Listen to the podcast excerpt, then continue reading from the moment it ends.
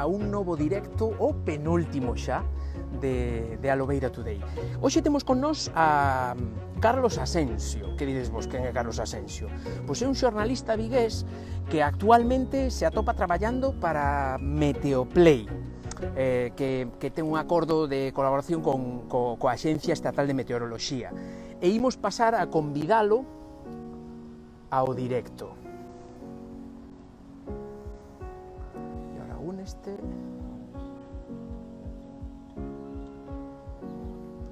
Joder, larguei toda esta perorata e non, e non había ninguén conectado. Agora estamos. Estamos agardando a que Carlos Asensio se conecte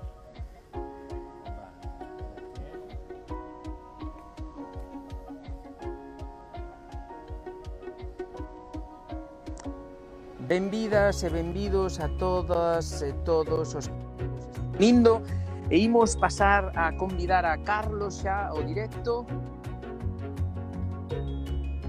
Ai, a ver como vai isto. Anda, mira, que arbolado todo. Moi boa. Moi boa. Hola. Benvido. Ai, parece unha señora, espera. señora. Sí, o... Así. Escoita, estamos, non, non sei si, non sei si vos dades conta, pero estamos prácticamente no mesmo sitio. De sí. feito, eu eu vou meter agora unha má no directo Mantendo a distancia de seguranza, eh. Si non queres que de repente miramos fora, porque estamos un lado do outro. Eh, eh, bueno, bueno, Carlos, primeiro de nada, eh, unha, unha, unha das preguntas que, lle fago recurrentemente a toda a xente que entrevisto é se lle gustan os chícharos. Pois a min gustanme moito os chícharos. De feito, unha das miñas comidas preferidas son os chícharos con xamón. Dios, que ricos están, eh? con cebolinha pochada. Eh, Home, por suposto. Eh, non me acordo que... Pero imos falar xa de comida a estas horas sí, que eu estou aquí... Ainda non, ainda non. Eh, mira unha cousa. Ti nachiche en Vigo, en que barrio, barrio Pois eu son do barrio de Coia. Barrio de Coia, vale, non teño nin idea. Pois explicoche, Coia é un barrio moi obreiro, moi parecido a, a Soviet, a arquitectura que ten Coia é de, de vivenda pública, porque basicamente ese barrio creceu cando Vigo empezou a crecer a nivel industrial, sobre todo coa Citroën, E no barrio, barrio de Colla, pois tes os pisos de Vulcano, tes os pisos de Vitrasa, tes os pisos de Citroën, Hostia, claro. son, son así, eh, por exemplo, de feito, eh, eh as miñas dúas aboas tamén son de Colla eh, e teñen pisos do Ministerio da Vivienda de Franco. Uh -huh.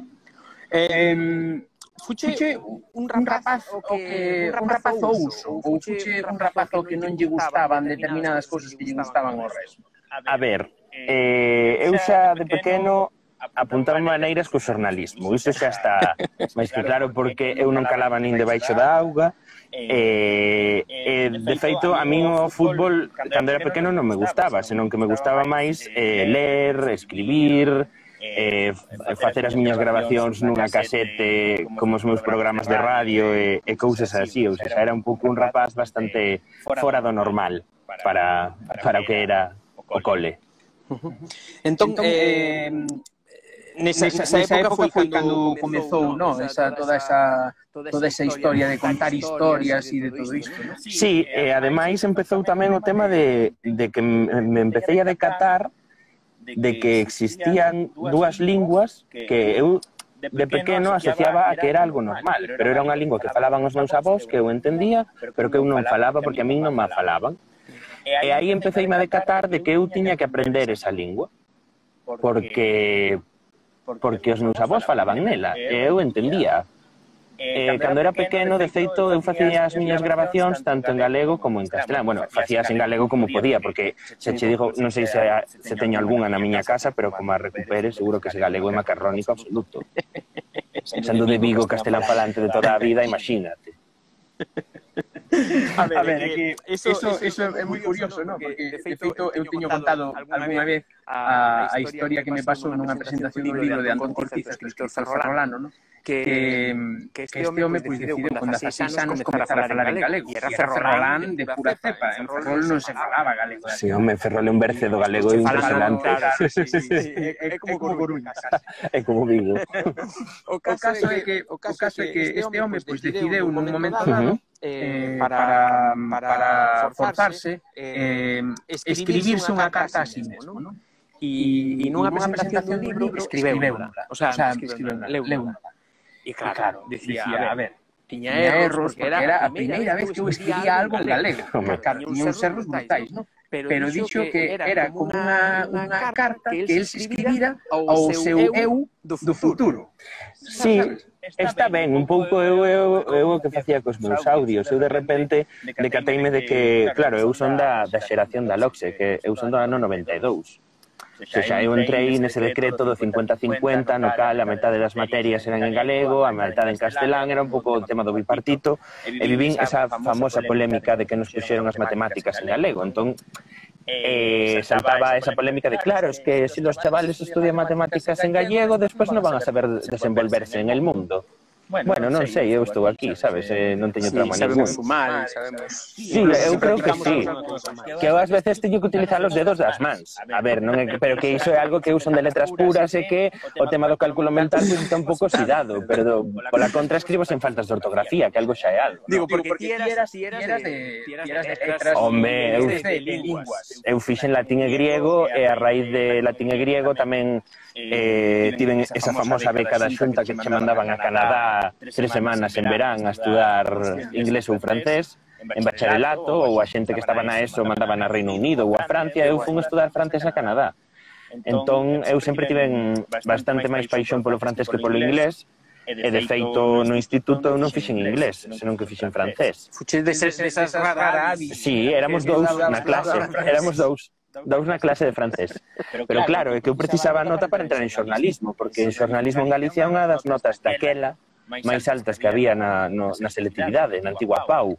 E eh, claro, eu dicía, joder, se me meto en inglés, eh, eh claro, eh, eh non son tan tan diestro en inglés como en francés, entón eu precisaba a nota. Dixen, bueno, inglés xa o aparco un pouquiño, e collo francés para subir un pouquiño a, a nota. Eh, por esas, por esas cousas, cousas da vida, vida, donde, donde eh, No, no, vou facer primeiro esta pregunta. Os, os, os teus avós dicíasme aí atrás, cando, cando amañamos esta conversa, que os teus, teus avós eran galegofalantes e, sen embargo, a ti dirixíanse en castelán. Sí, era unha cousa moi rara. Eu, ¿eh? cando era pequeno, vía o normal, pero de repente fume facendo máis grande e dicía, joder, estou dicindo moitos tacos. Nah, eh, non pasa. Eh, dicía, pero se eu aprendo esta cousa na escola, eu sei máis ou menos falala, comunicarme con ela. E eles diríxense a mí en castelán, e despois toda a miña vida en castelán, pero esta lingua que fai aquí? Que é esta lingua? E, e, eh, eh, claro, eu como son de mente curiosa empecé a investigar un pouco. E claro, despois estudas literatura e de repente daste de conta de que os teus avós estuda, eh, falaban en galego entre eles, como moi na intimidade, e despois deime de conta que, claro, nunha época esa lingua era proibida.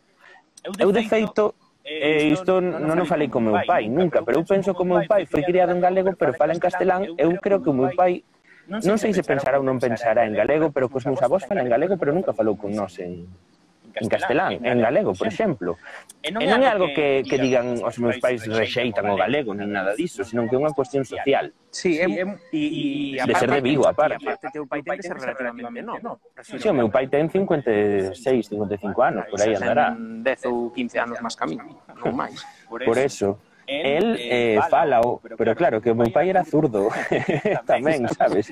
Imagínate zurdo galego falante nunha escola, que divertido. Que ben, que ben. Eh, cal, cal foi, cal foi, o primeiro traballo que, que, que, que ti tes despois de, de estudar, estudar xornalismo? Non, porque, porque abocaxe de ben ben sí, o xornalismo. Entón, entón, cando, cando ti faz xornalismo, cal foi a primeira práctica, o primeiro traballo? Sí, pois eu eh, rematei o meu Erasmus en París e deronme unhas prácticas extracurriculares no Faro de Vigo, Delegación Morrazo. Esa foi a miña primeira escola de xornalismo, Faro de Vigo, Delegación Morrazo. Estiven aí ese verán, Despois, eh, verán que aprendín un montón, eh? ou seja, porque aparte o xornalismo local o que ten é que tes que falar ca xente, moitísimo, moitísimo, para atopar noticias. Non é que custe, senón que é un xornalismo que te curte, porque aquí, eh, en unhas grandes capitales como Santiago ou tal, as, as informacións locales quedan como disfrazadas polo tema da institución, non? pola xunta, por certas, cousas, por xulgados, por certas, cousas máis grandes, máis grandes. Eh, entón o tema da información local, pero en Galicia a información local é moi importante, de feito os xornais locais venden moitos moitos periódicos porque non deixa de ser información máis próxima. Eh, eh aí no Far de Vigo no Morrazo é onde eu empecé a, a curtirme en mil batallas. E despois, eh, eh, diste, diste no teu perfil de LinkedIn, reitero, reitero, reitero digo sempre, sempre que me encanta, encanta que a xente teña LinkedIn porque fai moito máis fácil toda a preparación dunha entrevista. Entón, eh, eh dis en LinkedIn que eres un xornalista de futuro incerto. Por sí, por, por que? Porque eu eh, eh pasei de vivir en París un 30 de maio ou un de xuño estar entrando na Tubega para traballar. E acabei un 30 de maio na Tubega, estaba o día 1 de xuño entrando pola porta da región en Ourense de un día para outro. Entón, en nun ano, non nun ano inteiro, senón porque foi entre 2015 e 2016, todo iso, nese tempo eu cheguei a vivir en tres cidades diferentes en menos de 12 meses. O meu futuro é totalmente incerto. Eu non, non esta, non, nunca cheguei a establecerme enteiramente nunha cidade Eu vivín en Coruña seis meses solo. Vivín en Ourense un ano e medio, en Santiago porque estaba estudando e despois vivín un ano máis. Chegaste a quedar de dicir, esta é a miña cidade e aquí me vou quedar. Pois de, polo momento parece ser Madrid. Canto levas? Pois en Madrid eh, farei o 27 de xaneiro dous anos. Jolín. Sí, é a primeira máis longa, non? Sí, despois de todo iso. Do Galicia, Galicia Noticias, no Galicia Noticias que estive, seis, seis, seis, seis meses. Estiven, sí, seis meses, eh, facendo as, as prácticas curriculares da carreira. E aí tamén, ou seja, no Galicia creo que eu quería entrar no Galicia, a mí no Galicia gustábame, porque era é un programa, un programa non, un informativo. puramente da xente, A mí gustame o xornalismo porque falas ca xente. A mí falar con políticos incluso chégame ata aburrir porque ti cando te relación ca política daste de conta de que hai moito argumentario, moito argumentario preparado, sí moitas, moitas cousas que... Hai moita xente que pensa as preguntas, preguntas que van facer antes de que las fagan para... E teñen aí, entón sair diso é moi complexo, que tes que ser moi bo xornalista para quitar un político do seu argumentario. Eu, polo momento, non o son, ou sea, teño que practicar... Para iso, para iso vale xente como Gonzo. Claro, pero que Gonzo ten un percorrido ten un percorrido tremendo. Gonzo ten un, unha bagaxe importantísima. Un levo sete anos traballando, con sete anos de experiencia profesional, bastante fago que fago algo, sabes? Sí, sí, hai que ser humildes, eh, é dicir, eu eh, con sete anos de experiencia non teño a mesma experiencia que pode ter Gonzo, que pode ter Jordi Évole, Ana Pastor, claro, Pepa Bueno, Julio Otero, Julio Otero é capaz de sacarche un titular dunha entrevista así en nada, eu teño que aínda traballar, eu entrénome con Julio Otero, entrénome con con Pepa Bueno. Entón, claro, eu no Galicia gustábame porque o Galicia é o programa no que non salen políticos, sale xente, xente falando do seu do, do, da, do, do lado da casa. Exacto. Casa de. É unha realidade que ah, pasa. Sí, sí. É dicir, a xente que vive do campo, que lle maten catro reses, un lobo, o mellor a súa ruína durante ese ano. Sí, sí, sí. sí. Eu, eu, eu penso que, que ainda non sendo as, as noticias máis, sabes, máis importantes, non? No? para, para cada un serán importantes no, na súa medida, penso, penso que un programa como Galicia Noticias é máis que necesario, debería ser necesario un mogollón de... En, sí, en mogollón de sí, porque, porque son as noticias que, que, que, que máis te afectan. De feito, descubrí nesta cuarentena, tendo pois, pues, foi, foi a época na miña casa que máis tempo estivo posta a, a televisión de Galicia. Pero era sinxelamente porque porque, porque non, non había outra, outra fonte de información máis cercana. Claro, a que a vega é necesaria. Eu sempre fun fiel defensor das televisións eh, autonómicas e potentes, porque hai un problema. É que eh, eh existe moito madricentrismo mediático.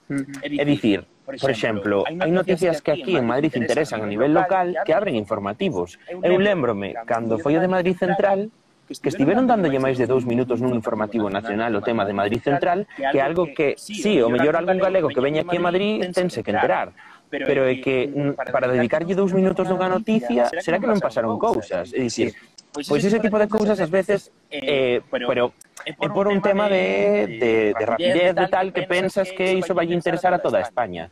Entón, as televisións eh, autonómicas o que fan é achegar un pouco máis a realidade dunha, dunha sociedade en concreto dun territorio. Non estou a falar dun territorio histórico como pode ser Galicia, senón Castela-A Mancha tamén, ou Castela-León, ou calquera outra comunidade autónoma. Sí, hai, hai, eu penso que hai infinitas noticias como para para centrar moitas veces claro. medios nacionais, a nivel nacional, todo, en exacto, exacto. Pero, pero pasa, pasa en todos los aspectos. No pero también na tuve gas eh, digo, sí, sí, que, sí, que que tamén.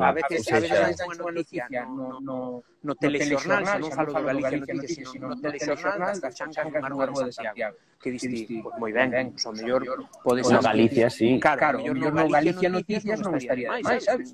Chancas en Santiago, un trator que cae por un balado no Xinzo, sempre digo Xinzo, non sei por que, na cabeza gustame moi. Pois Xinzo é unha boa terra, terra da Limia, terra da Pataca e tamén terra do Entroido, que a min encanta. Mira unha cousa, eh, do Galicia Noticias vas que a Ourense. No, do Galicia Noticias volvo o Faro de Vigo. Volves ao Faro de Vigo. Ese verán verán. E de Faro de Vigo pasas un verán paso ese verán en Faro de Vigo e marcho a París de novo. Marchas a París. Sí, a cuidar... Sí, estiven de Erasmus no ano 2012-2013. Voltei a Santiago, rematei a carreira, fixen as prácticas de novo eh, na TVG no Faro en verán e despois volvín a París porque non tiña nada que facer eh, e marchei de au pair marchache de, de asistente, ¿no? A cuidar, a, a cuidar nenos, era como coidar, sí, coidar nenos. Eu cuidaba, cuidaba dos nenos nunha casa que estiven genial nesa casa. E despois chamaronme da tele que se volvía. Eu eh, volvín a tele. Ah, que guai. O sea, volviche É dicir, volviche a tu vega. Sí, volvín a tu vega. E estive Un ano. Un ano. Estiven eh, no departamento de prensa e comunicación eu encargábame un pouco de recolectar a información de toda a programación, de responder emails da xente, É un servizo público igualmente, Eh, eh, o que pasa é que ti tes que un pouco máis promocionar a marca TVG, CRTVG, Radio Galega, e tal, pero tamén é, é traballo. Non coidas que falaba outro día, non sei se foi contigo con con foi, que a TVG comezou tarde a, a publicitarse vamos, vamos entre, comillas, entre, comillas, entre comillas a, a, o de publicitarse, no. no. Comezou tarde a, a abrir as súas canles online, online publicando sí. contigo. A TVG eh, eh ten unha carencia de, de ten, no, ten non unha carencia, senón un, un retraso, un delay no tema online. Ou seja, eh, unha web agora mesmo dunha tele é o, é o cuarto medio que ten que ter un, unha compañía, unha mm. corporación. Mm É dicir, tens que ter un xornal prácticamente online na túa web. E iso empezouse a facer pois eh, eh, no ano 2016-17 empezou, comezou. Claro. Había había, había teles que xa tiñan claro, por entón, cando comezou a galega a darlle pulo a todo iso, eu xa, eu xa recordo ter instalada no, no meu teléfono a, a, por exemplo, a aplicación de Radio Televisión Española. Exacto. E ver, ver como coido que era a, a, Canal, Canal Sur, Sur é a, é a, canle, a canle autonómica que ten máis eh, eh percorrido multimedia, creo. Sí, bueno, a TV3, a TV3 tamén tiña unha, tiña unha web eh, bastante, bastante pobre, o co tema da carta e todo iso, pero tamén foise renovando. Pero creo que as televisións autonómicas, eu creo que por, por falta de orzamentos tamén, e porque non é o mesmo facelo nunha tele privada ou tal, que nunha tele pública que tens que xustificar moitas cousas, sabes? Entón, como, Como, como acabas? Refírome, pasas por Ourense, eh, ali para, para sí, calor. En, en Ourense curtime para, para calor. Para calor, viñémolo falando, falando ahora, sí. para, aquí, para, para o parque, que, que, que os, claro, claro, os que pasan en Ourense máis de tres días, xa poden dicir que están vacunados. ¿no? Sí, oh, bueno, estou inmune. Entón, como acabas con ese percorrido que levabas, non? Como, como acaba un traballando en xornalismo meteorolóxico na capital, en Madrid? Pois mira, eh, é un pouco increíble, pero é por ser prácticamente, por así dicilo. Ai, chaman. Xa está. pois, pois eu vexote no directo. Espera, a ver que pasou. Contame, Contame que pasou, eh, Sonche. Sonche. Porque... Porque Estás escoitando, estás escoitando ben ou non se está escoitando ben? Dadelle dos arriba se escoitades escoitase ben. Hola, si sí. escoitades por duplicado. Imos facer un, un parón, parón aquí. Un parón, unha paréntese. Sí, un unha paréntese para ver que pasou. A ver, vou atrás. Que lle ten? Estes que separar, escoitase mal. Vale. Ah, escoitase mal. Pois, pois eh, Pois marcho máis para atrás. Non, o que vou facer eu é isto. Ala. Escoítase mellor así? Escoítase así mellor.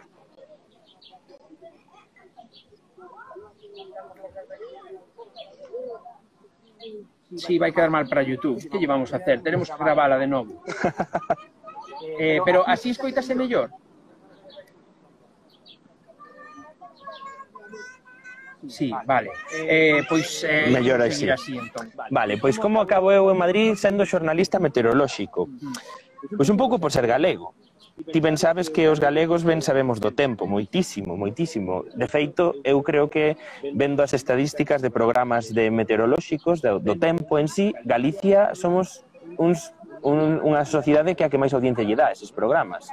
Pero que é normal, temos unha situación meteorolóxica moi, moi, moi cambiante, moi adversa, moi diferente en verán que en inverno, moi diferente no norte que no sur, moi diferente nas rías que no interior. Entón, eh, os galegos sabemos falar do tempo, os, os galegos sabemos o que é unha borrasca, sabemos o que é un anticiclón, sabemos ese tipo de cousas. Eu decateime falando con amigos meus de que tiñamos bastante coñecemento do tempo. Entón, claro, eu cando fun facer esta proba para a EMET, eh, preguntáronme se eu que sabía da meteoroloxía e, e conteille Contelle todo o que sabía, pois as borrascas, o vento no, do nordés, o mar de fondo, eh, a calor en Ourense, polo Val, e todo ese tipo de cousas. Entón, claro, eh, vi, ve, viron que unha persoa estándar sabía bastante de meteoroloxía, e non me custou nada aprendela. Eh. Eh, entón, acabas, acabas aquí en Madrid, no? Eh, sí. Un pouco, por ser galego falante, entón a pregunta é de rigor vale, eh, o sea, non vale para nada o galego, como é? Pois eu a fin de ser irónico e cousas así, vou explicar a miña situación. Eu entrei aquí na, no servizo da AEMET porque eles exixían que houvese un galego falante no equipo. Un galego falante no equipo que fixese locucións en galego se houvese locutar en galego. Eu teño un contrato indefinido en Madrid grazas a que sei falar galego. Iso é así, alén de outras moitas cuestións e talentos que eu poida ter, o galego serviume para acabar aquí cun contrato indefinido. Entón, se iso responde a túa pregunta... Entón, entón, que, que lle poderíamos dicir a toda, a toda esa peña que di que o galego non abre portas e que o galego non sirve, que é unha lingua inventada. Unha lingua inventada para falar co veciño. Bueno, pois eu estou mandándolle locucións en galego a máis de 300.000 persoas da provincia de Pontevedra. Non sirve para nada que a xente responda e saque as súas propias conclusións. Eu non son quen de criticar as opinións que teñen a xente, pero con datos obxectivos creo que xa está máis que tapada esa opinión de que o galego non serve para nada.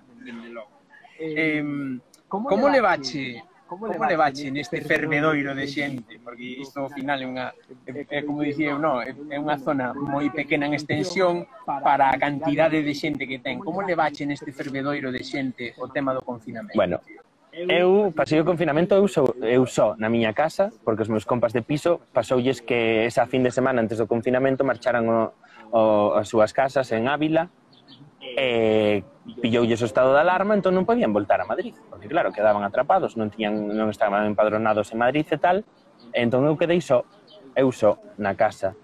Foi complicado, pero non foi complicado por min, porque o que sufres ti ou o que pasas ti ou tal é cousa túa. Entón podela xestionar ti mesmo. O que máis me... Oi, se me trema a voz. O que máis me preocupaba a min era eh, non trasladarlle a miña preocupación a miña familia.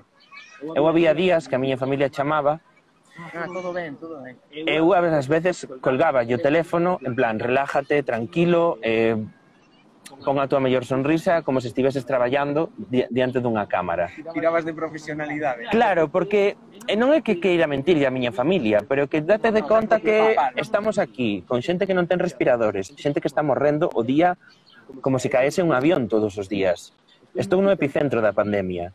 Estou eu só, Como pensarás que está a miña familia, a miña boa, a miña tía, a miña nai, E claro, trasladarlle inquedanzas a esa xente que está preocupada por ti é, é un pouco complicado. Entón iso fai que pois tragues moitas cousas e intentes trasladarlle a mellor visión, optimismo, ese tipo de cousas, non te podes derrumbar diante deles porque o mellor miña nai presentas aquí mañá en estado de alarma ou o meu pai para rescatarme, sabes? En plan, é eh, como, que facedes en Galicia non estades tendo tantos contagios que vides aquí a contaxarvos. Contábame, contábame outro niño nas primeiras conversas que tiven deste tipo eh, Toniño Ules Galicia, dicíame que que el traballou no centro de, de atención de telefónica de, de, do COVID de Galicia, sí. da Xunta, non?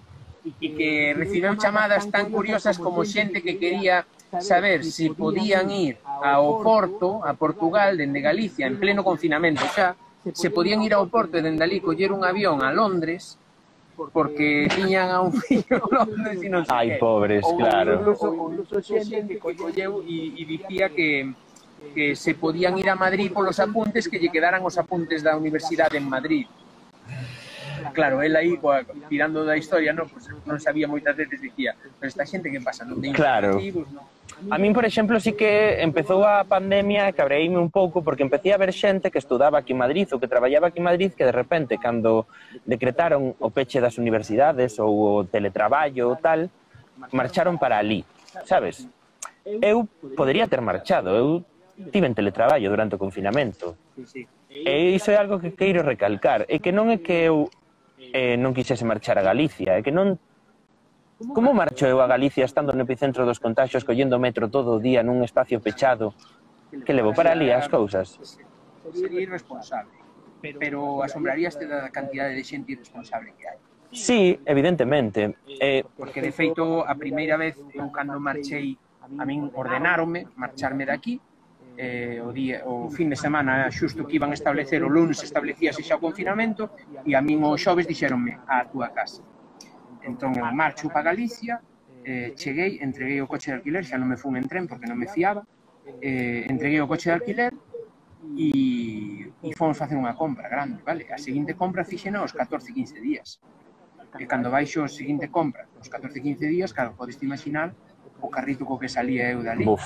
Dixome a caixeira, dixome, mira, vai ser mellor que colles un carrito, un carriño, e o acoples na saída da cinta e vaias baleirando un e enchendo outro, porque senón a cinta non dá, claro. non dá espacio para máis. Houve, houbo bastante... E dicíame, e, claro, cando acabei de pasar todo, no, dicíame a tipa, decíame, mira, pero ti que ves facer compra para todos os teus os teus veciños, e tal, dixen eu, no, que pasa que hai 14 días que non fago compra e teño que, que recoñer, claro. non, moito, tal. Dixome, jo, ojalá moita xente fixera como a ti, porque dicíame a tipa, no, e isto estou che falando de Narón, eh? Uh -huh. que non é unha urbe, é un pobo grande, o sea, unha poboación grande pois dicía a tipa que había xente que iba tres e catro veces no día. Sabes, que iban pola mañá, polo pan e tal, pola a media da mañá, polo da comida, a media tarde polo da merenda Xa. e a tarde noite polo da cea. E diste, a ver, Eh, está ben que haberá xente que teña casas pequenas que non pode ao mellor almacenar máis que para unha semana, pero intentar polo menos, sabes, se estamos nun confinamento que che recomendan, che recomendan, non, che ordena que non saias de casa a non ser que seña estrictamente necesario, non me fagas necesarias cousas que non eran. Home, eu de repente... Eu podo, podo apostar que había xente seguramente que nin saía da casa eh, máis cunha vez ao día se saían, e, e polo rollo de dicirlle non podes sair da casa, saía sí. ata catro veces. Ata claro, é que eu, por exemplo, como a min gustame estar na casa, estar eh, vendo unha peli ou tal, o tema do confinamento levei no mal polo, polo tema de estar só cos teus pensamentos. A cabeza a min rulame moitísimo, eso é cousa do meu pai. Rulame moitísimo. E claro, entón pois pensas, hai pensamentos invasivos, de repente un día pois eh, toses un pouco e xa estás merda, xa estou co bicho, non sei eres, que. Eres eh, hipocondríaco? Non son hipocondríaco, porque eu levo sen ir ao médico moito tempo, moitísimo tempo. Pero claro, saltábame a dúbida e eh, ao mellor un día tiñas un pouco de fresco e xa era, hostia, teño febre, merda, merda, non sei que. Claro, porque estás só, entón non tes a ninguén que chega, pero está calado, sabes? En plan, que vas ter? Se, non, se levas 15 días dentro da casa, como te vas contaxiar? Pero era o que había. Sí, é o que hai. Pois eh, en todo o rollo, claro, ti, ti atopaste aquí teletraballando. Entendo que para teletraballar deronche un equipo igual. Sí, claro, eu, eh, nós empezamos o teletraballo cando empezou o confinamento total, eh, e, eh, eh, claro, eu, era impensable hai un ano que na miña empresa ou nunha empresa radiofónica ou televisiva se plantexase se plantexase o teletraballo porque tens que ter un equipo, tens que ter calidade, tens que ter certas cousas. Entón, eh, moitísimas, moitísimas veces, pen, eh, pensando en plan como facemos tal, e o meu xefe comprou uns equipos, e eh, instalamos, instalamos os equipos na casa, fixemos probas, e teletraballei durante todo este tempo. Radio. Claro, tema radio. Para tema tele, o tema tele, o que fixemos foi establecer uns, unhas quendas de guardia, entón cada día da semana iba unha persoa que estaba soa na, na, na, no plató. Por iso os vídeos van cambiando, ¿no? Vades cambiando. Exacto, que cada día vai unha persoa. Antes, eh, o día facíamolo eh, unha persoa, teña, temos o vídeo da mañá e o vídeo da, da tarde. O vídeo da mañá facía unha persoa e o vídeo da tarde facía outra. Eh, claro, por este, por este tema das quendas, cada día da semana, eu, de feito, durante o confinamento total, sí que tiven que ir facer vídeo tamén, eh, facer os directos tamén que facemos para a Radio Nacional e para outras radios e tal, pero claro, era un día só a semana, eh, ibas no metro e non había xente para nada, eu, por exemplo, claro, eu entro seis e media da mañá, aquí en pleno confinamento, seis e media da mañá, éramos eu e outro sanitario, sabes, no metro. Entón, claro, non había contacto real con xente humana. Sí, sí, sí, sí. Pero bueno, eu xa... Empezouse, empezouse a liberar un pouco a mellor a cuarta, quinta semana, non? O primeiro mes. No, cando empezou a fase da, da, da desescalada, cando ou tal, pero sí que houve xente que, claro, que eu, unha, unha quincena na cal todo o mundo estivo confinado totalmente, e nós estivemos tamén confinados facendo o vídeo con voz en off, para non ter que ir o, o plató, porque foi o tema no que o goberno estableceu ese permiso eh, eh, foi como un permiso que se devolven as horas, no? que eran 15 días no cal todo o sí. mundo tal. Sí, quedaba na súa casa. Pois nese tempo, pois tamén nos nos confinamos. Unhas como unhas vacacións remuneradas, non? Non, era eh, un permiso recuperable. Recuperable, isto. Hai que hai que devolver as horas á empresa. Digo unha cousa, imos eh, Imos falar agora de, de, de unha colaboración que faz aquí en Madrid tamén, que é coa, coa La Gaveta de Mil Cosas. Sí, Que, que faz aí?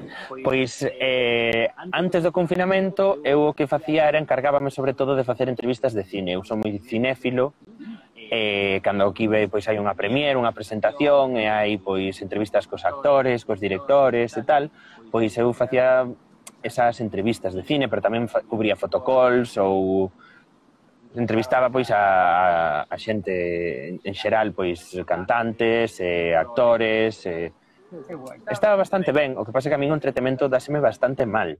Sí, por qué? Porque eu son unha persoa que como te, veño da escola da telepública, informativos, son unha persoa que lle poso unha cámara diante, e non como agora, que é un directo de Instagram, pero a min posme a cámara diante, eu teño que poñer na posición, poñer a miña cara neutra e tal, e iso é como unha especie de movimento reflexo que me sae cada vez que estou diante dunha cámara. Entón, facer este borrollo que temos aquí e tal, custame moitísimo. Porque eu sou unha persona moi cachonda da vida, pero a min posme unha cámara diante e facer informativo e, e xa está, e xa estou, serio. Non son como Rodrigo Vázquez, que ten ese talento para, para atrapar a xente, entretela e tal. Eu non son de, de, de entreter a xente, eu entreteño pois facendo humor na miña casa, facendo un par de coñas e xa está. E agora, de feito, hai un programa que se fai semanalmente que eh, na gaveta que se chama Fin de Semana, que eu fago unha sección de actualidade informativa que son pois 10 minutiños falando seria, do que pasou, claro, durante a semana. Un resumo, non? Sí, Iso que, que é a gaveta das É unha web de entretemento. Unha, unha web. É unha web, unha páxina web de entretemento na cal se suben reportaxes que se fan. E é posible, é posible chegar a, a, a a vi, non vivir diso, pero chegar a monetizar algo así? Sí, de feito, eu as colaboracións que, que fago pagan máis. Crees que sería posible crear iso mismo en Galicia? Eh, no. Dígoche por qué. Por qué? Porque en Galicia eh, isto igual era unha un, unha, unha opinión pouco popular, non? Pero dame igual. Eh, en Galicia move moito o romanticismo do galego, por exemplo, que riquiño, eh, como fixo aquele a esa palabra de ababexo ouxiña ou cousas así, eh, a palabra máis bonita do galego, eh, a terriña, eh, o anuncio de Gadis, basicamente. Bueno, que é o romanticismo. Que, que, que, a coña, que, a coña, que a propia xente que está que está facendo vídeos e medrando grazas a ese romanticismo, logo critica claro. que, que Gadis o faga ben. Eh, que é como claro, ao final só fai nese momento e o resto do ano é unha boa publicidade, porque sabe perfectamente o que sinta a xente. Pero o galego non é unha cousa romántica ou un ente abstracto que está aquí para telo romántico. O galego hai que normalizalo, pero na internet ese galego de falar de de reggaetón ou falar de televisión, facer crítica televisiva, por exemplo, en galego, facer un fotocall en Madrid en galego, por exemplo, ou ese tipo de cousas, ou facer un, unha estrea e tal, ese tipo de cousas o público, os máis mozos non lle vende, porque os mozos teñen esa concepción do galego como un ente que está aí máis cultureta. Máis cultureta. E nas redes sociais non teñen asociado red social con galego. Entón, claro, tamén é, é certo que hai que facer autocrítica. E moita xente que está presente na internet sempre está a falar da nosa terra, a galeguidade, ese tipo de cousas. Claro, pero estamos falando diso, pero eu creo que normalizar este tipo de cousas, como a Lobeira Today, que falades de todo un pouco, non estades falando continuamente de Castelao, Rosalía, os devanceiros, eh, Breogán, todo iso está moi ben, é a nosa bagaxe cultural, a nosa historia, os nosos devanceiros, e hai que saber de onde vimos. É unha memoria ahora, ahora que tocamos o tema, no? Faime gracia que estes, eh, eh estes youtubeiros, no, Que, que, que agora non serín youtubeiros, agora dinse youtubers de novo. Pero estes youtubeiros que, que, que falan diso, no, Como equiparando a cultura millennial, no, Como fai o aquele, equiparando a cultura millennial. Pero que iso que hai que facer. Eh, eh claro, sí, equiparan a cultura millennial cos, cos de Banceiros, pero é outro tipo de memoria. Están falando de memoria histórica o mesmo que fala un vello. Sí, tamén, pero Pero a min, por exemplo, que fai o aquele gustame, porque o mellor o estilo de, do aquele non é o estilo co que eu caso ou que tal, pero facer, eh, ter esa capacidade de coller o galego e eh, levalo a ámbitos como o reggaetón, por exemplo, fai que a lingua normalícese nese ámbito, por exemplo, que, que a lingua se normalice. Normalizar o galego é máis aló de... Porque iso xa o temos aprendido. É, como digo sempre, sobre o papel está, O galego é legal, o galego é constitucional, o galego está... Que moitos en dúbida. Claro, non. Sobre o papel está, a lei ampara o galego. A lei fisi, a lei do papel, despois a práctica é diferente, entón hai que leválo á práctica. E o galego xa está dentro das institucións, xa está dentro da cultura, hai moita cultura, non hai moita cultura en galego, pero a cultura que se fai en galego está ben feita, pois hai que ir un, pa, un paso máis máis claro, pero hai que ir un paso máis aló. Hai que abrir canles de YouTube en galego, hai que ter redes sociais en galego, hai que chiar en galego. Eu, de feito, non son neofalante nin galego falante, non me considero galego falante porque o, na miña vida cotía emprego máis o castelán que o galego, e, e de feito vivindo en Madrid e tal, pero tamén ca miña familia, non cambiei de idioma aínda porque faltame ese paso que quero dar. É máis fácil dalo aquí que dalo ali, eh? Home, por suposto. O sea, é máis fácil que comeces a a chamada semanal ou a chamada cada tres días falar en galego, porque non van xurdir preguntas ou tantas preguntas como as que xurdirían se estás ali. Claro. Porque o que intentara o antes, o de comezar a falar galego con Lucía, estando eh, destinado en Ferrol, e custou horrores porque, claro, esas primeiras preguntas, esas primeiras cuestión de, oh, e ahora eres nacionalista? E ahora habláis gallego? E ahora e que sois del BNG? No, é certo, é certo, o sea, esos topicazos son certos. Entón, a min, por exemplo, foime moito máis fácil como fixemos que foi de viaxe cara a Holanda. Sí. O sea, voltando dunhas, dunhas vacacións, voltando para Holanda, no? que, que dixemos, cambiamos, cambiamos. cambiamos. E foi así, e foi moito máis cómodo porque Porque entre ela mas eu non había esas preguntas, éramos claro. os únicos que falábamos galego, porque ao final eu estaba ali traballando, pero claro, estaba traballando nun entorno internacional, en inglés, e cando falaba cos meus compañeiros, que a maioría non eran galegos, falaban castelán.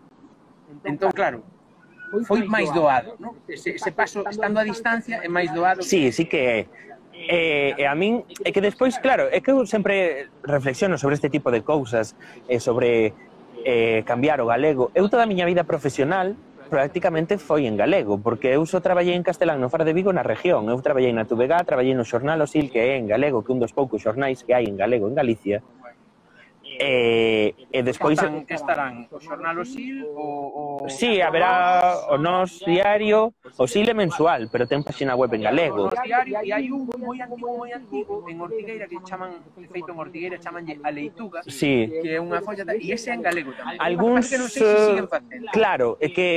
Se Diego véndonos, sí. poderían... Diego, dinos, dinos. Non sei se nos vai estar vendo. O, o caso é que... Eh, O, entón eu digo, hostia, se eu traballo en galego, teñome que desenvolver en galego, porque a norma da empresa, a TVG, a norma de creación é que a lingua vehicular dos empregados cando están traballando é o galego, que me parece moi ben, porque para iso está. Eh, eh logo, logo che conto unha cousa. Eh, eh, no SIL era igual. Ti, cando estás traballando, tens que falar en galego. Non é unha imposición, é porque é unha norma da empresa, porque é así. Sí, sí e a lingua é a que en Galicia a lingua oficial é o galego, se hai que falar en galego, hai que falar en galego. Entón, ao final, eu decateime de que a miña vida profesional prácticamente pasou en galego, toda. Eu falo en castelán no, no meu tempo de lecer. Como se come iso? Teño que cambiar de lingua. Ao final, cambiarei. O, o que pasa é que eu falo galego moi normativo e hai a xente que non lle gusta. A moi, moitos puristas, eh? Na, nas redes sociais, buf, Sí, pero nas redes sociais, nas redes sociais hai a Gestapo do galego. o, o Gali Twitter, dentro do Gali Twitter hai como unha especie de, de, de círculo que é como... Sí, sí, é a Gestapo, a Gestapo Sí. do galego. É como, como te pases unha, Madre, xa demorado para sempre. Eh, eu non concibo iso, eu concibo como dixo, como me dixo Marcos Maceiras de, da mesa, o presidente da mesa pola sí. normalización lingüística cando entrevistei, díxome que o pior galego é o que non se fala. Esa, encántame esa frase. E que non hai nin neofalantes, nin paleofalantes. Hai galegofalantes e castelánfalantes. E punto. Fin.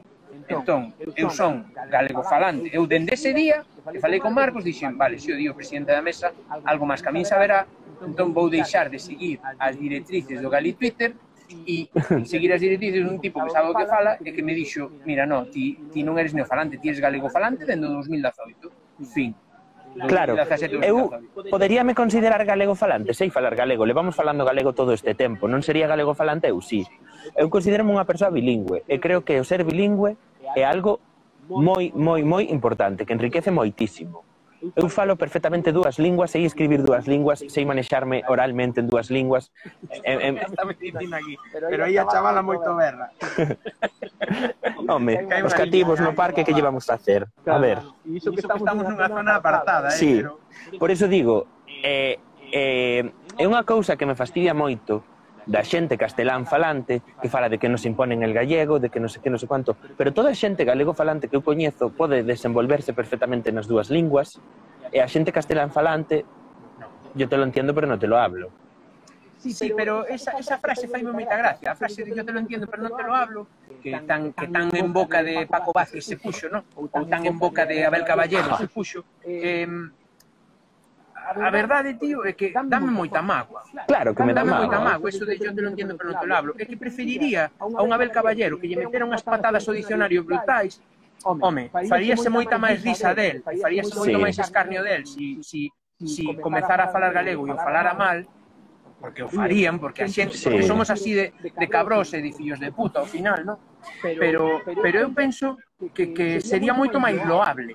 Claro, que intentase. Ainda falando, claro, eu digo, critico yo moitas cousas a Feijó, porque as critico, porque sí que é certo que onde podería ter usado moito máis o galego non usou, non no seu momento. Pero iso de, de meterse con el e de, e de A ver, fai, fai gracia, fai gracia porque se ti levas dentro 2008 sendo presidente da Xunta... Deberías falar de, no, no, O mellor principio pode ser que che custe poñer algún pronome, pero se xa levas dendo 2008 ata o 2020 sendo presidente da Xunta, creo que é o momento de empezar a pensar en corrixir ese tipo de cousas. Claro, claro eu comentaba yo a muller moitas veces na casa dicindolle, pero esta xente, tío, coa posición que ten, por que non farán un Guardiola? Por que non meterán unha lingüista e aporán pum, pum, pum. cabecera dende as 8 da mañá a pum, pum, pum, falando todo, todo o que falen, que pase por esa tipa e que lle diga, no, mira, aquí non, aquí non fagas así, aquí fallas a, aquí non digas isto, di outro. Sabes, non sei, que lle facemos? E aquí María enviou, di, oxalá se fose trilingüe ou cuatrilingüe, as linguas sempre suman sí. Ai, pois mira, Marían, eu falo galego, castelán, inglés, francés e italiano. E o portugués entendo, pero por por por por proximidade, ou seja, o galego que non entenda portugués. Hai moita graza, porque sempre se prexulga moito, no, os militares. E eu tiven un xefe, xefe, xefe, estamos falando dun señor general, en, en Brunsum, español, de, de o tipo era, como se chama? Das Illas Baleares, vale? Era mallorquí. E, e o tipo, eu falando con el algunha vez, desto que ibas a algún acto ou algo, e cadrabas, non? E desto falas. Non, non sí. é normal que eu chegue a ese nivel de falar, non, con meu grado, falar con un señor general, pero este home era moi razonable e decía que, que el concebía as linguas como ferramentas e, e como ampliacións culturais, que unha lingua non só é unha lingua, senón que unha lingua axúdache en moitos casos a adquirir tamén a cultura.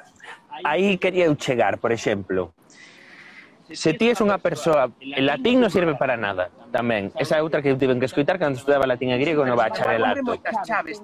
Claro, se ti eres unha persona avispada, lista, e relacionas conceptos, daste de conta de que en francés dice fenêtre, en galego dice fiestra, En italiano dice fenestra, en castellano se dice ventana. Pero bueno, ao final, mira, xa tes tres linguas nas cales... Se colles a V, como a pronuncian os sudamericanos, que como se sí. debería pronunciar, sería ventana. Claro, xa está, empeza por F, punto. Ese tipo de cousas. Vouche contar unha historia.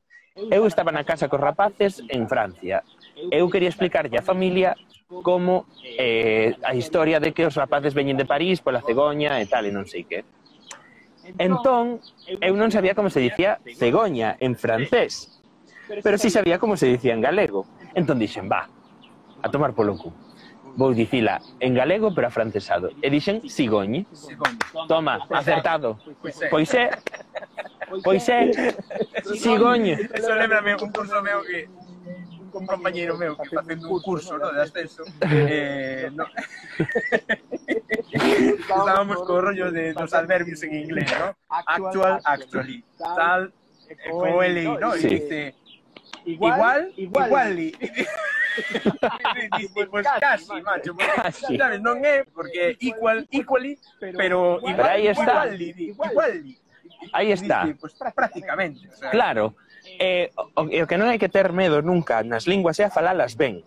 Porque eu fui moi criticado por decir François Hollande en vez de decir François Solán, sabes? Ou cousas así a xente, ai, ya está el outro, que sabe hablar francés. Home, se sei pronuncialo, por que non o vou pronunciar? Evidentemente non vou dicir Twitter, porque soame fatal. Pero no, por que non pronunciamos ben as cousas? eu son partidario, eu personalmente que traballei en inglés e todo o rollo, son partidario de que deberíamos pronunciar ben, pero sen perder o noso acento. Evidentemente. É dicir, porque a mí encantoume, eu por cousas do traballo, non? Sí. Estiven nunha, nun comité nun budget committee de todas as nacións da OTAN. Sí. Entón, ali cheguei no co meu traxe, coa miña corbata, eu iba de chofer. cheguei co meu traxe, coa miña corbata, tal, puxen o pinganillo, e empezas a escoitar a todas as nacións. E asombreime, levaba un ano xa en Holanda traballando, asombreime de que lle fun collendo a nacionalidade sin saber quen estaba falando, porque eu estaba así, sin mirar para eles, entón, empezaba a escoitar falar ao tipo, non? E sabía quen era o, o, o francés non, porque falaban francés, porque o francés é lingua cooficial, bueno. entón teñen unha orde interna de Francia de que non poden usar no entorno OTAN o, o inglés sí. máis do necesario, entón, entón nos comités teñen que ter unha traductora de francés a inglés para o resto bueno, de os franceses, eu que me perdo de Francia porque foi o meu país de acollida durante dous anos, pero os franceses cos idiomas son un pouquiño máis nulos que os españois, eh? hai que dicilo, é así, un muchiño tamén, porque os alemáns tamén. Bueno, si, sí, os alemáns, pero como eles teñen esa proximidade germánica co inglés, sí, sí, sí, elle é máis fácil falar o inglés, que despois xa falaremos de inglés. Fíxome gracia que iba collendo as, as nacións a todos, ¿no? e dicía, jo, que, como, como se nota, no? Ainda que están falando en inglés, por exemplo, unha cousa moi curiosa do inglés dun portugués, e que fai moitas tes. Sí. Vale, vale, sin embargo, nós facemos o, o, o ton, ainda que somos galegos falando inglés, eh, facemos moito o ton dos española, españoles. sí. E tiñamos ali incluso xente italiana que falaba moi ben inglés, e non é o común. Tampouco, no, no, no, no. Pero había algún italiano que falaba moi ben inglés e decías ti, é italiano. É claro, claro, o sea, sí, entón, sí. eu abogo por iso. Por, sí, oh. Porque, porque pronunciamos, pero, eu, por exemplo, na vida direi Twitter. Non, eu tampouco, pero porque porque é unha cuestión do cerebro tamén, é dicir, o teu cerebro non asume que iso... Aparte temos o termo español, entón, claro. Twitter e, e Exacto. esa carga nas Sí. que, que eles entenden perfectamente, non? E fíxome moita gracia unha historia que me contaron unha vez falando disto, non? De, dun coronel portugués que lle fixeron risa a uns americanos porque o tipo dixo deserts en vez de Sí. deserts, non? Dixo, vou traer, mañá vou traer algúns desertos en vez de Sí. algúns postres, non? en inglés. E, e fixolle risa un teniente coronel americano, non? e colleu e comezou o Nacho, e comezou e pasou nas todas, comezou a falarlle en inglés, pasou ao francés, pasou ao portugués, logo faloulle un pouquiño en castelán, e logo dixolle en inglés. Despois de, de pegarlle toda a cantada esta, non? Dixolle, e se algunha destas linguas vostede non me entendeu, eh, o mellor é vostede o que ten o problema. Exacto. Eu a min a xente que se ri de outra porque fala mal unha lingua, pareceme como por exemplo, a xente que fala mal español e outra xente di, ai, que mal habla el español. Quantas lenguas hablas tú, amigo? Quanta, cantas lenguas falas ti? Entón, pois mira, é eh, algo así, que tamén o tema do inglés eu levo bastante mal, no sentido de que falo inglés, sí, pero non me gusta esa paletada de que el niño tiene que hablar inglés. No, de feito, eu son, estou completamente en contra dos de que os colexios bilingües estes, mal chamados bilingües, porque xa había colexios bilingües en, en Galicia, eran todos bilingües, metade castelán, metade sí. galego, pois, pois eh, eh, agora serían trilingües claro. máis. Pero non, resulta que falando con un amigo que é profesor, resulta que agora os rapaces xa non é que non saiban dicir unha cousa eh, en, en, en galego, o mellor, sabes? Solo a sabían dicir antigamente en castelán. No, agora non a saben nin en castelán nin en galego. Saben, saben en, inglés. en inglés. E iso non confunde os rapaces, non? Na vida diaria, digo eu. Porque, vamos a ver, está moi ben que aprendas inglés, pero eu sempre digo esta teoría. Eu levo estudando inglés. Empecé a estudar inglés con tres anos e rematei de estudar inglés con 16. En todo ese período de tempo eu non conseguín falar inglés de maneira fluida. O problema igual en tantos anos no que estás estudando inglés o problema é o sistema educativo, non como das o inglés. Como estudas, non como... Exacto. O sea, aí o problema está en como nos forman en inglés. Porque dos, dos tres os 16 cantos anos van? Moitísimos. Porque despois ven xente que se vai ao estranxeiro e en cousa dun ano traballando no estranxeiro falan fluido e entenden Claro. Ese é o tema. Despois, o tema que me, que me fastía un montón porque era como, claro, é que van a estudar xeografía en galego e vanse confundir na vida diaria porque o río Júcar é Xúquer. E dinlle que unha chaira é unha llanura, entón eles vanlle chamar chaira. Eu estudei así, e sei perfectamente que unha chaira é que unha llanura. Pero que estuden en inglés a geografía, que despois van a aplicar aquí en, en España, é como a Comunidade Foral de Navarra, que eu lin aí que era como... Eh, non me lembro, pero era un, un nome bastante raro. E era como... Non sei se que era como en serio, rapaces non se confunden así, non se van confundir na súa vida diaria estudando anatomía en inglés, do M o ARM, ou como vai. Sí. I, a como as partes da flor. Isto é o pistil, mamá. Que pistil? É o pistilo de toda a vida. o pistil. Sí, un. Sabes? É que Aí, douche unha hostia. É que vamos a ver, os estames, en galego era estames, en castelán estambres. Guau, que confusión, por favor.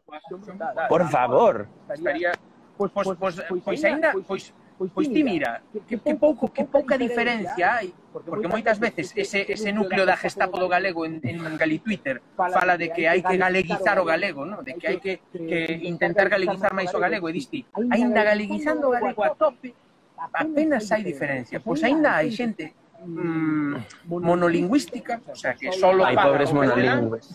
Sabes? Pobres monolingües que che din, non te entiendo. Diste, non queres ah, entender. Claro, claro iso é que non queren entender. ¿eh? Eu dicía moito, quen quere entender, entende. No? Porque realmente é así. Eu, eu coido que é así. Pero hai xente que non. Mira, digoche máis, pois porque sempre eu digo, eu en vez de responder cabreado ou dicir así este tipo de cousas e tal, aquí lo chapan en inglés sin entender lo, lo que están leyendo. Ah, esa es mi amiga Laura, es de Ourense. Al final ni conocimientos ni idiomas, sí, é que así. É que, é que Hola, Laura. Realmente, ao final, nin, nin melloran os coñecementos, nin me melloran o idioma, porque estás memorizando unha lingua e a lingua unha lingua non hai que memorizala, hai que falala. Mira, Laura é logopeda. Eh, o tema da lingua tamén leva o, leva o bastante así guai.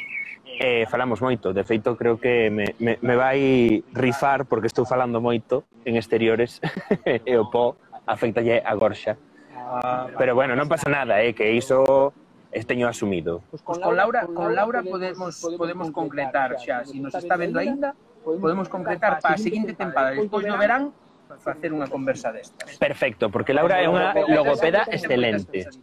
Moitísimas cousas que dicir. Teño pensado unha logopeda, teño tamén pensado falar cunha cunha fisioterapeuta que coido que é a, a profesión do, de, deste futuro próximo. Sí. tanto tanta xente agora facendo deporte dende que comeceu a desescalada bueno, é que a min encántame o postureo das redes sociais e encántame moitísimo, moitísimo, moitísimo. Eu, eu a veces practico tamén o postureo o sea, todo que dicir no, eu, eu teño unha carta, eu teño un cartafol no, no, meu, no meu portátil que pon fotos, postureo, Instagram. O sea, Claro, están aí, están aí. Hay, que, hai que posturear porque ás veces ti tes o guapo subido Claro. E tes que... Que, que te miras ao espello e diste, oh, pois, vou subir unha foto. E xa está. Iso, iso guai. Ese post, a descripción en galego xa sería estupenda, xa, xa, xa. Eh, bueno, Carlos, estamos no minuto 56, eu coido que por todo isto dos uh. acoples e de todas estas cousas, non sei como vai quedar isto, xa vos lo digo a vos, non sei como escoitastes, Eh, o que si sí vos vou dicir é que intentarei facer o máximo posible para que se escoite ben, se si está na miña má, claro, sí. porque isto Instagram faino así. Pois se mono duplicas o audio xa está estéreo, xa está. Non sei, non sei.